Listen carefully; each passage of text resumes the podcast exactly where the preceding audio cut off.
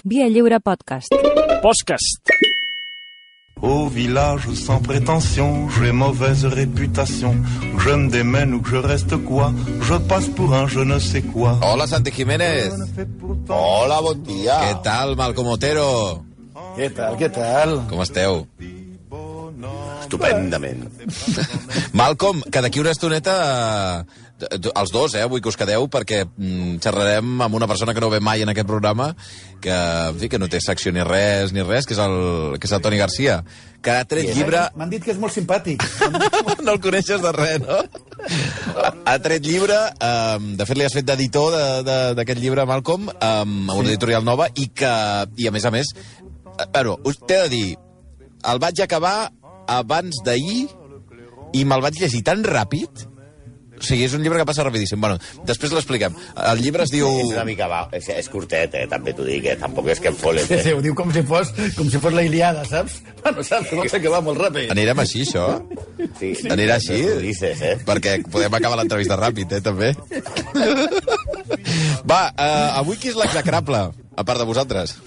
A, a, part, a part de nosaltres i, i el senyor aquest que vindrà després, que és, és un altre, és un altre que està ja, eh, que ha tornat a la vida, perquè hi ha terrasses, eh? La vida torna. Sí, senyor. I, sí, el Malcolm està com un gos perdut, allò, saps aquell gos de, de la pel·lícula de, de, de Richard Gere, que el gos aquell tonto que està esperant a l'amo que s'ha mort allò davant del tren? Està Pues així. Està a la porta està a la porta del jardineto, però que no obre fins al dia 10. vull- Fins al dia 8, perdó. Però ell, ell, ell ja està allà. No? Nosaltres també volem tornar a l'estudi, eh? Sobretot per veure't a tu, eh? Ja, segur, Però, segur. No té cap En, dubte. en el meu cas. En el cas del Malcolm és per, per, per els embotits Bundó. Per Sí, pels sí, sí, Bundó. sí. Per si Sí, sí, sí, sí, sí. Perquè ja sabem que tu, els embotits Bundó, no és res. Perquè tu ets del celler de Can Roca, que és... Aneu a fer punyetes.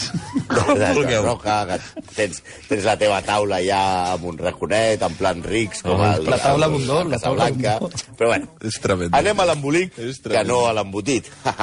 Va, Avui empenyem a les canyes, al fang, a un dels tipus que ha guanyat més diners venent llibres, que mira que és difícil, eh? Malcolm I a sobre va ser estrella a Hollywood. Un revolucionari, antimonàrquic, republicà, diputat que escrivia compulsivament, que fundava ciutats, al tanto, que és un tio que fundava ciutats, que va donar la volta al món a la seva època. Un home d'èxit, però també un demagog, un tio que mentia més, que parlava, que li agradaven més les fake news que Eduardo Inda, quan Eduardo Inda eh, va de fins a dalt de vi, eh, que suposem que és quasi cada dia, un home d'acció, però sinuós i un megalòman, un tipus infidel, buscar raons, molt buscar raons i perillós, trampós, rancuniós i més vanitós que tots els rapers del món. Avui li destrossem la barraca a Vicente Blasco Ibáñez. I al tanto, no feu un cuní, no confondre amb Paco Ibáñez, més conegut simplement com Blasco Ibáñez. Del barco de chanquete Ay. no nos moverán. Del barco de chanquete no nos moverán porque este barco es todo. però perdona, una cosa, què té a veure el verano azul amb el... Vull dir, el, el No té xanquete... res a veure, però...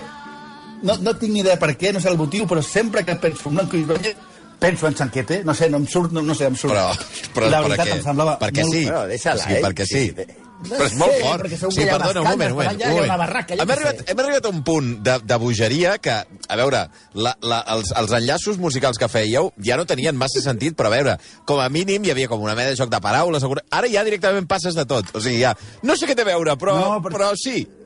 No, és, és el món de l'horta valenciana, és, va, no va, sé, hi ha unes canyes por ahí, no sé. Per favor. I en qualsevol cas, Sí, sí, Xavi, sí. em semblava molt greu deixar aquesta cançó eh, o sigui, aquesta, aquesta secció sense aquesta joia musical de Verano Azul. Mm. Era, era, que grans migdiades que hem fet a la vida. Sí, sí, bueno, sí, sí. tornem al nostre Vicente. Vicente és fill d'uns aragonesos anomenats Gaspar i Ramona. Com Als Chanquete. 12 anys... Com Chanquete. Gaspar i Ramona com Chanquete. Mare. Als 12 anys comença a escriure textos i als 14 escriu la seva primera novel·la. S'escapa a Madrid i comença a fer de secretari i de negre, vull dir que eh, escriu els textos que publica un altre, una mica com els tuits d'Ayuso i Esperanza Aguirre, i el seu gos Peques, però la seva família el va rescatar, el va buscar perquè és massa jove. Va intentar entrar a la Marina de Guerra, però les matemàtiques no se li donaven bé, i va estudiar dret. I ve aquí una de les coses més terribles, imperdonables, que un pot ser la vida. Pitjor que qualsevol altra cosa. La pitjor.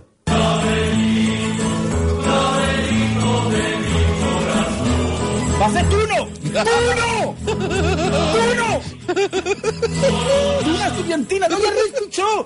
Thanos, un Lannister, Palpatine, Freddy Krueger, Ultrasur, el que vulguis tot! Tot menys Tuno! I que jo els meus fills ha de ser, el que vulguin, de gràcia, el que vulguin, menys Tuno! Tuno no! Tu, no, no. Tu, no, no. Però quin problema teniu amb els tunos? Bueno, és igual, no us ho vull saber. És No, igual, és quin problema tenen els tunos, hauríem de... Amb la vida. Sí. A veure, a veure, hem començat ja... Piranya, tranquilo. Hem començat Oi, oi, oi. amb Verano Azul i amb la Tuna. Això, això promet, eh? Oi, oi, Cal dir que a més de cantar cançons horribles disfressat de mamarratxo del segle d'or, ja escrivia poemes. Ai. Per un d'ells, que era un poema que el tema era contra tots els reis del món, menys els reis d'Orient, se suposa, el van acusar de lesa majestat, però va ser absolt. Cal dir que aquest no és el primer problema amb la justícia que va tenir, perquè aquest home va estar a la presó, segons ell, 30 vegades. 30. Imagina't Sandro Rossell els llibres que podria fer si està 30 cops a la presó. Gairebé sempre va estar a la presó per difamar algú, per articles incendiaris, moltes vegades fets amb mitges veritats i agafats amb pinça, per ficar-se amb la monarquia, per ficar-se amb l'església i per ficar-se amb tot el que es movia. Vaja, aquest senyor viu a, a l'època de Twitter i seria el paio més popular de la xarxa. Seria Dios tuitero. Bé, la veritat és que també, sense Twitter, era el tio més popular de la seva època, com veurem després. Sí, ara entrarem a, en política, però parlem de diaris primer. Perquè aquest paio munta diaris com qui escriu un tuit. Als 16 anys munta la seva primera publicació periòdica El Miguelete, que era setmanal. Després ho canvia pel Túria. Amb 20 anys dirigeix el diari La Revolució i dos anys després funda La Bandera Federal. Anys després funda El Pueblo. Carai, I no és noi. perquè aquest diari escriu més de 1.000 articles.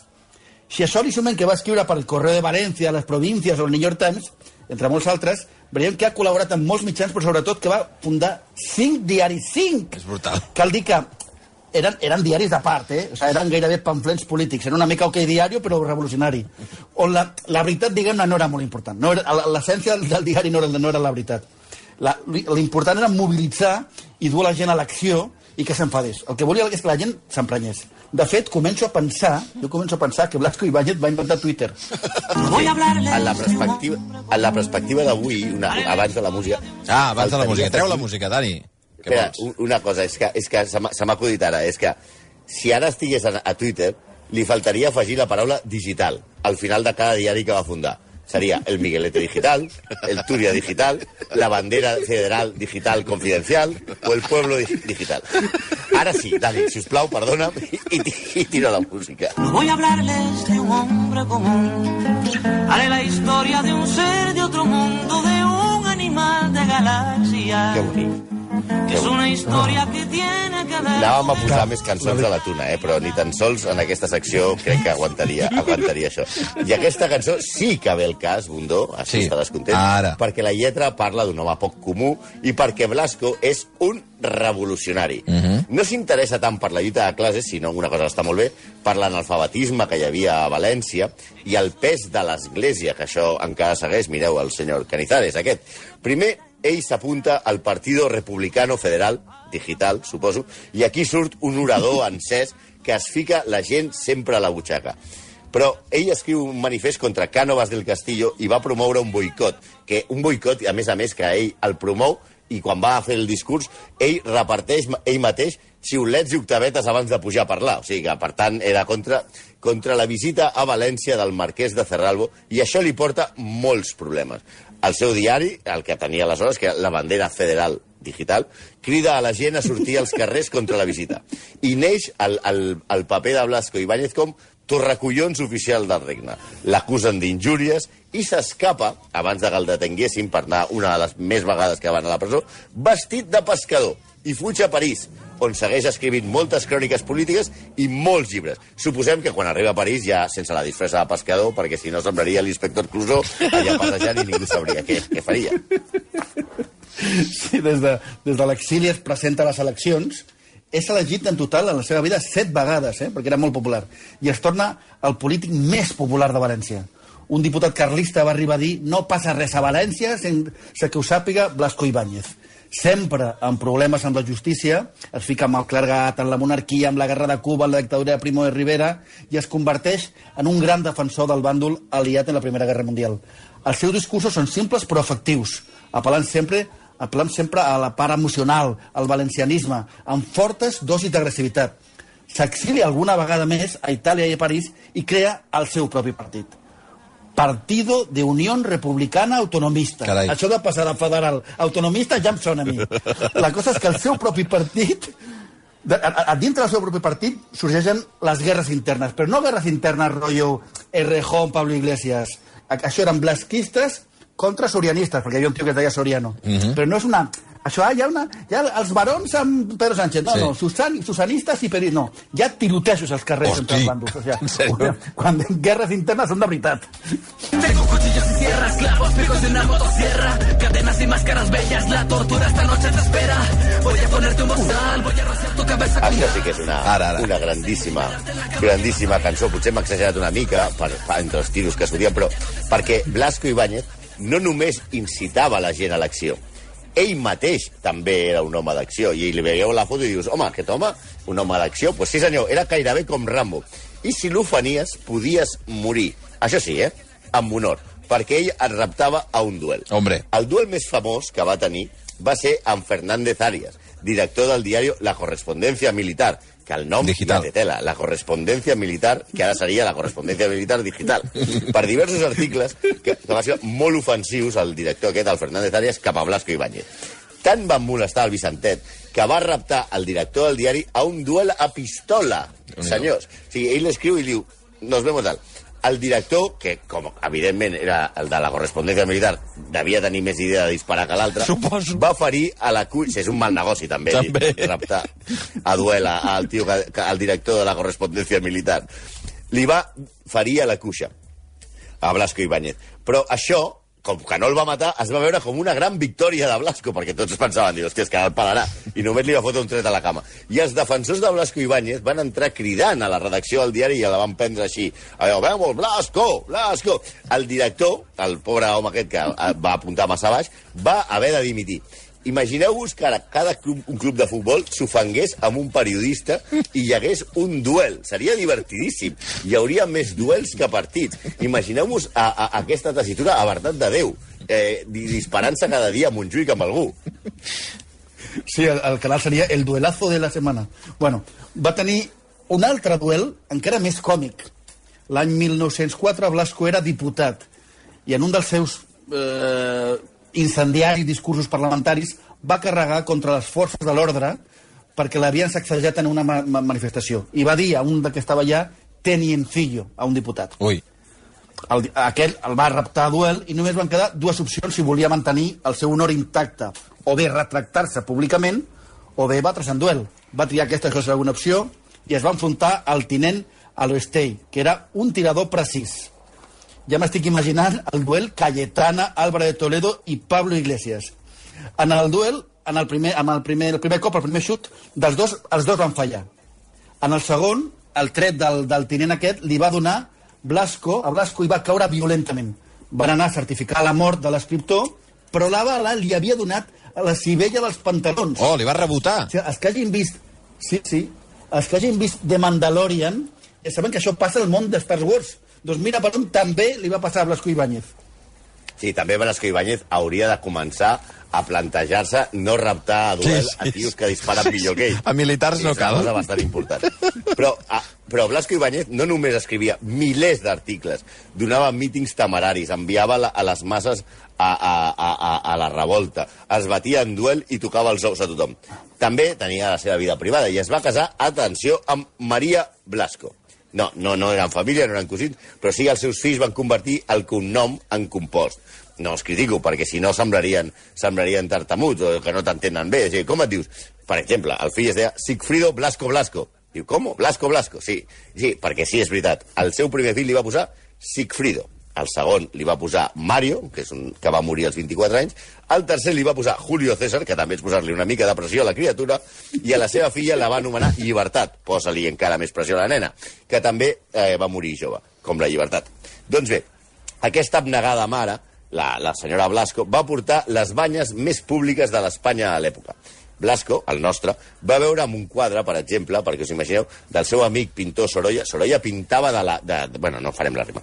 Sorolla pintava Vinga. molt bé. I va veure que Sorolla havia pintat a, a una senyora rosa molt guapa, eh, exuberant i tal. Era, una de la, era un retrat d'una de les dones de les millors famílies de Xile que estava per aquells dies a Espanya amb el seu marit, que era diplomàtic, banquer, molt ric, el típic pastarrufes gran.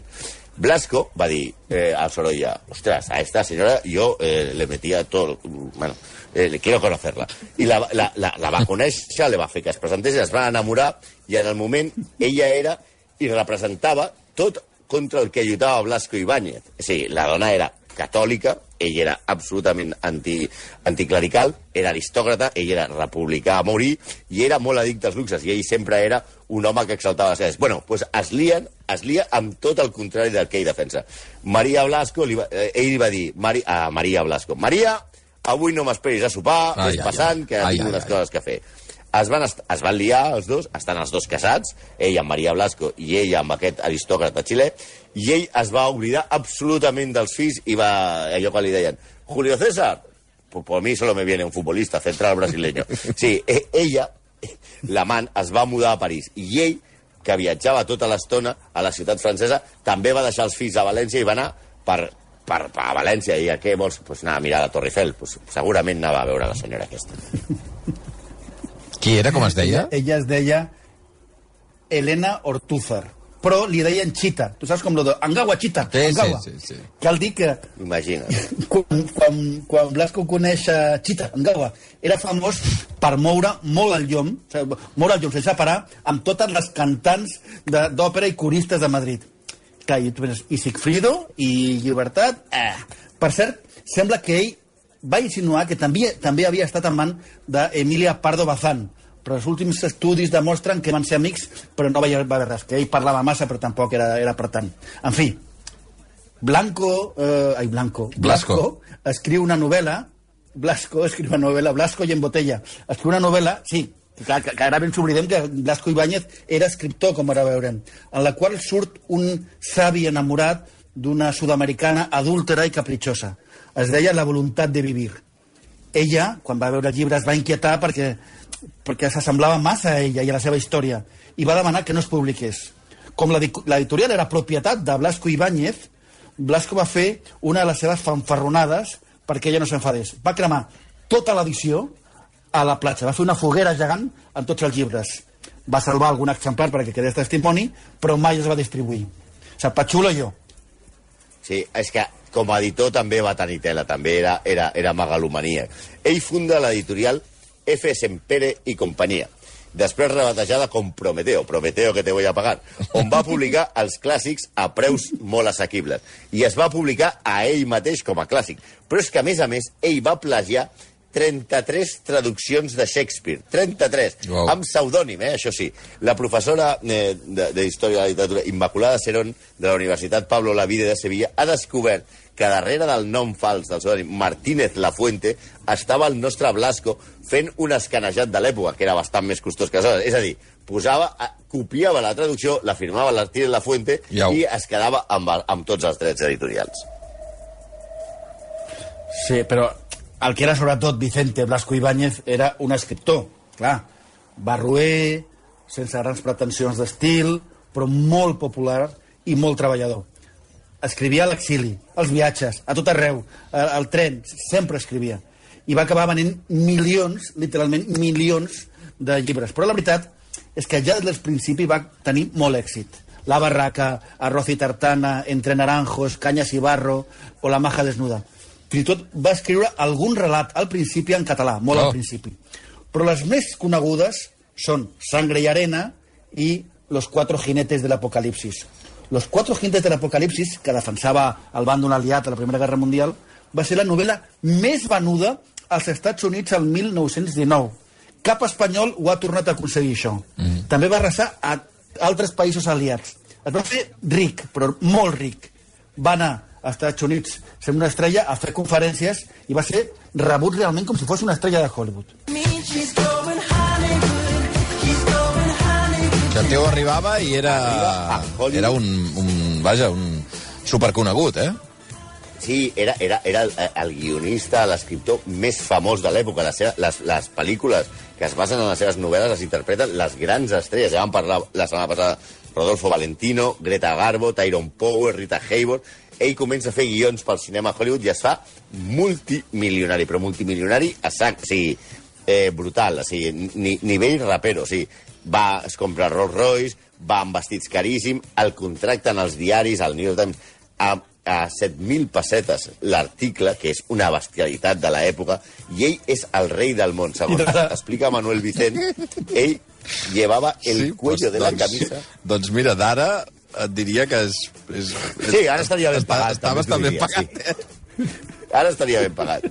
Llevaba, diu, diu el Vicent, llevava el cuello de la camisa vuelto por fuera a lo Byron, perquè ens entenguin els nostres oients com cantonà, diguem-ne, no?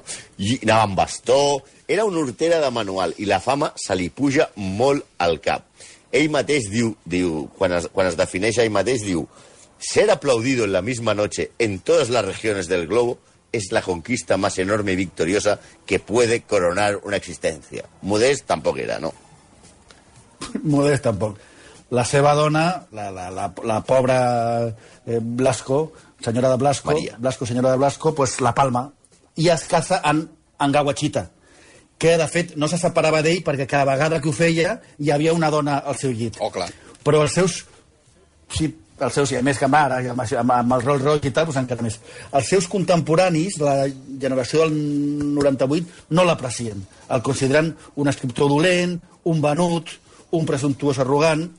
De fet, quan va morir Blasco Ibáñez, Valle Inclán només va dir pura publicitat. Aquest menyspreu a, a Blasco el matava i va escriure coses com con mi fama haré por España más que todos esos estúpidos y pilletes de Madrid. Carai. També el seu valencianisme, que va ser no sols la seva literatura, sinó políticament molt definitori de la seva personalitat, aquest valencianisme combatiu s'apaga. De fet, en les seves biografies li molesta molt això. Li diu als seguidors, lo terrible es el puñetero valencianismo que asoma de vez en cuando, la estrecha preocupación provinciana, las manías de allá que usted resucita. Imagínese que he nacido en Cabezón de Arriba i també ja no és tan compromès i només li preocupen les joies per en Guachita i els. Sí, es, es fa una mica... Té un procés de boadellisme, diguem-ne, no? I acaba renegant d'on venia. Però abans de fer-se tan milionari, perquè era molt milionari, ell ja i s'arruïna. I com és que un tio, pensareu, hòstia, un tio que té tants diners pot acabar arruïnant-se? Doncs mira, no se li acudeix res més que fundar ciutats. I les funda Argentina, tal com sona. A Argentina l'adoren, una mica com Serrat, Sabina i tal. I ell viatja diverses vegades a Argentina i el recorre sencer de dalt a baix. I decideix tornar perquè, obro cita, quiero hacerme millonario aunque sea por poco tiempo. Se'n va anar a l'Argentina i funda una colònia que li posa de nom Cervantes. Volia fundar una gran ciutat a la Patagònia i la cosa no va funcionar. Fins fa 10 anys que Movistar va portar al telèfon a aquest petit poble perdut que ni tan sols sortia al mapa. O sigui, ell, una visió, una visió colonial i geogràfica del, de, de collons. Evidentment, la colònia Cervantes és un fracàs. A l'altre extrem del país, a, a, d'Argentina, va crear una altra ciutat que li va, la va anomenar Nueva València. El Tuno volia fundar... O sigui, un tio que comença com a Tuno vol fundar una ciutat. No, no anem bé. Va comprar 5.000 Això no hectàrees ser. de terra i es va comprometre a pagar-li un dineral a tothom que anés, portar bombes d'aigua i una família d'agricultors valencians cada 100 hectàrees. El tio posa anuncis a la premsa de València i diu, diu eh, senyors, si vostè està aquí a, la, a, a Canyes i Barro, la barraca, i vol anar a fer-se ric a Argentina, vagi a Nueva València, que l'acaba de fundar jo. Què podia sortir malament? Pues, doncs va sortir malament tot. No va anar ni la mare de Marco allà. O sigui, va, va sortir tot fatal. Va perdre la casa familiar de València, va perdre l'editorial, l'edifici, va perdre la colònia Cervantes i va perdre la Nueva València. Sí, sí. Però s'ha de dir que, com que ell va recuperar després per, per Hollywood, va viatjar per tot el món, el va escriure i el va descriure, va morir a la seva casa francesa de, a, a Menton, compartint taula amb l'aristocràcia exiliada de la dictadura de Primo de Rivera que tant havia criticat, i, com era una persona humil, va deixar encarregat un taüt enorme, enorme, en forma de llibre, i al lloc del taüt apareixen, apareixien tots els títols del, del, dels, de les seves obres. L'epitafi, entre altres coses, deia los días de viaje de algunos valen más que los años de otros. Toma ja. Idiota fins al final, amb una vida de novel·la. Però al cap i a la fi, un tuno. I no hay tuno bueno. Tu, no, no. Sauf les aveugles, No, no. bien entendu.